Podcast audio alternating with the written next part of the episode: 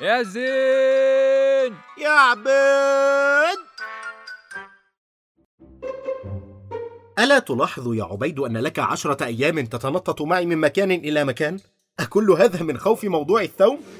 وهل أنام فوق رأسك يا أخرق؟ استنفدت كل الاقتراحات وقابلنا كل أصدقائك وأصدقائي لا لا يزال لدي واحد لم نقابله ومن يكون؟ صديقي مجدي أذاك الذي حدثتني عنه من الفيوم هو؟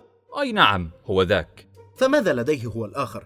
هل سيأتينا بالمسك أرض جوي هو الآخر كالدكتور هشام؟ أوه سنقابله واستفهم منه عما تريد متى سنقابله وأين؟ متى؟ في الساعة السادسة أما أين؟ فهو من الفيوم ولذلك ستجده غالبا في السادس من أكتوبر سأهاتفه ومن ثم نتفق اتفقنا لا يأتينا خير من وراء أصدقائك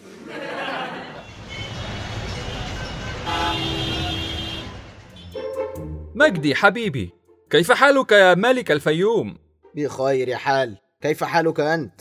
ومن هذا إلى جوارك؟ أنا زين صديق عبيد وهل أنت مدردح هكذا أم فرفور مثله؟ ما هذه البداية؟ لا أنا أعجبك جدا كل أصدقائي لعنون ما أجملك يا دكتور هشام أه متى أتيت من الفيوم يا مجدي؟ الجمعة الماضية حبست الوحش وأتيت حبست من؟ الوحش م- م- من هذا الوحش؟ وكيف حبسته؟ هذه قصة شرحها يطول احكي لنا أنا أحب هذه النمر احترم نفسك يا فرفور أنا لست نمرة وماذا أقول؟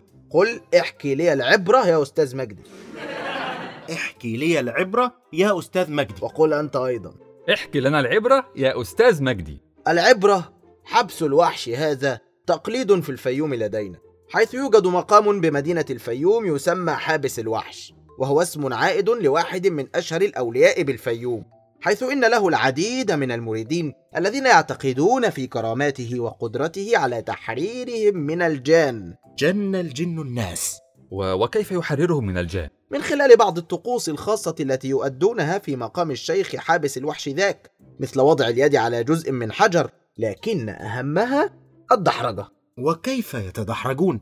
يتدحرج الشخص من فوق تل رملي متوسط الارتفاع حيث يعتقد أن تلك الدحرجة تشفيه من المرض والذي يكون غالبا مرضا نفسيا وعصبيا الكل يتدحرج الرجال في وقت والنساء في وقت وغالبا حين صلاة الجمعة حين يذهب الرجال للصلاة ويتركون التل الرملي لهن تتدحرج النساء للتخلص من العلل هذه نمرة مبهرة آه عبرة عبرة يا أستاذ مجدي وقل أنت أيضا أه، عبرة عبرة يا أستاذ مجدي أكمل لنا يا أستاذ مجدي العبرة عن حبس الوحش آه, آه أكمل لنا آم، مما استمد ذلك الولي تلك الكرامة لدى أهالي الفيوم قديما الشيخ حابس الوحش يعتقد أنه خلص الأهالي من وحش كان يهددهم حيث حبسه عن الأهالي وبعد هذا عصيته وأصبح من الأولياء المباركين وله العديد من المريدين والزائرين من كافة قرى الفيوم إلى الآن وهذا الوحش الذي يعتقدون أنه الشيطان يظن أنه يعاد حبسه بتكرار الدحرجة كما قلت فإن توانى الناس عن الدحرجة خرج الوحش الذي هو الشيطان ولم يعد ينفع لا حبس ولا يحزنون المحكاة عبرة بصحيح يا أستاذ مجدي طيب بما أنك رجل قوي الشخصية هكذا يا أستاذ مجدي أريدك أن تحضرنا في أمر تفضل عبيد صديقك يخشى أن يخرج الثوم من الشرفة في بيت زوجته لأنه خائف مسكين فهي فرضت عليه أن لا لا لا لا لا صديق لي يخاف من زوجته لا تكمل الحكاية اذهب واخرج ما يقول هذا الجدع إنك لعين يا زين وأنت أيضا لعين أخرق ولا أستاذ مجدي ولا يحزنون ولا أدري ما رماك علي بوحوشك وأشيائك أنت أيضا وسأريك سأذهب الآن وأعود بالثوم في يدي بعد أن أخرجه إلى الصالة والمطبخ وكل مكان سأريكما وسأري العالم سأريكما وسأري العالم سأريكما طالع وسأري العالم. السلالم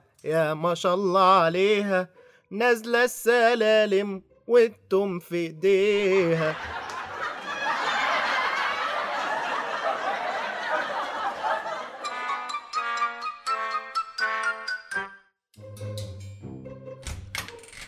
اسمعي أنا أريد أن أفاتحك في أمر هيا أخبرني لا نحتاج بعض الوقت للحديث حوله تفضل كلي آذان صاغية اريد ان اسالك واجيبيني بكل صراحه قل يا عبيد لماذا ت...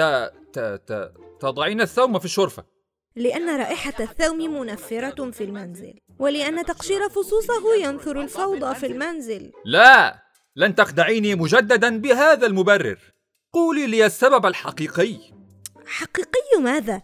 أجننت يا عبيد؟ قولي لي انجزي أنجز ماذا؟ ألم أقل لك إن صديقك زين هذا مجنون؟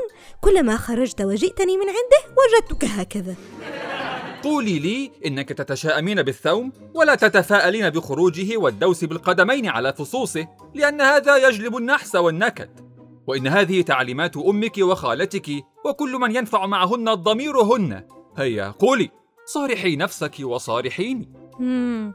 وهل تريد إخراج الثوم من الشرفة؟ اي نعم اريد ان اخرجه كله كله خبر جميل سأجهز الشنن لاستيعاب أكبر قدر من الثوم الله سيكون قريبا مني حينما أطبخ ما أجمل هذه الإمكانية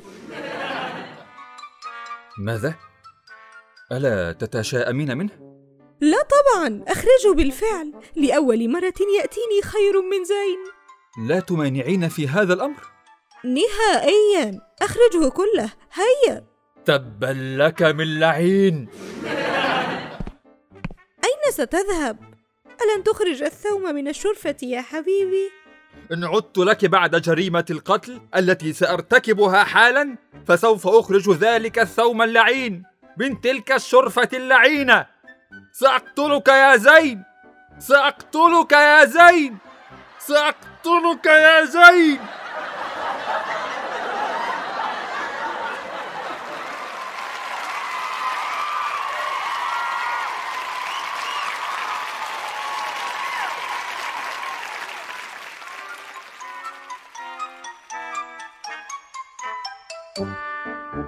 زين وعبيد أداء صوتي أحمد زين عبد الرحمن عبيد أحمد مجدي سلمى عزت هندسة صوتية أسماء راشد سيناريو وحوار وإخراج أحمد مجدي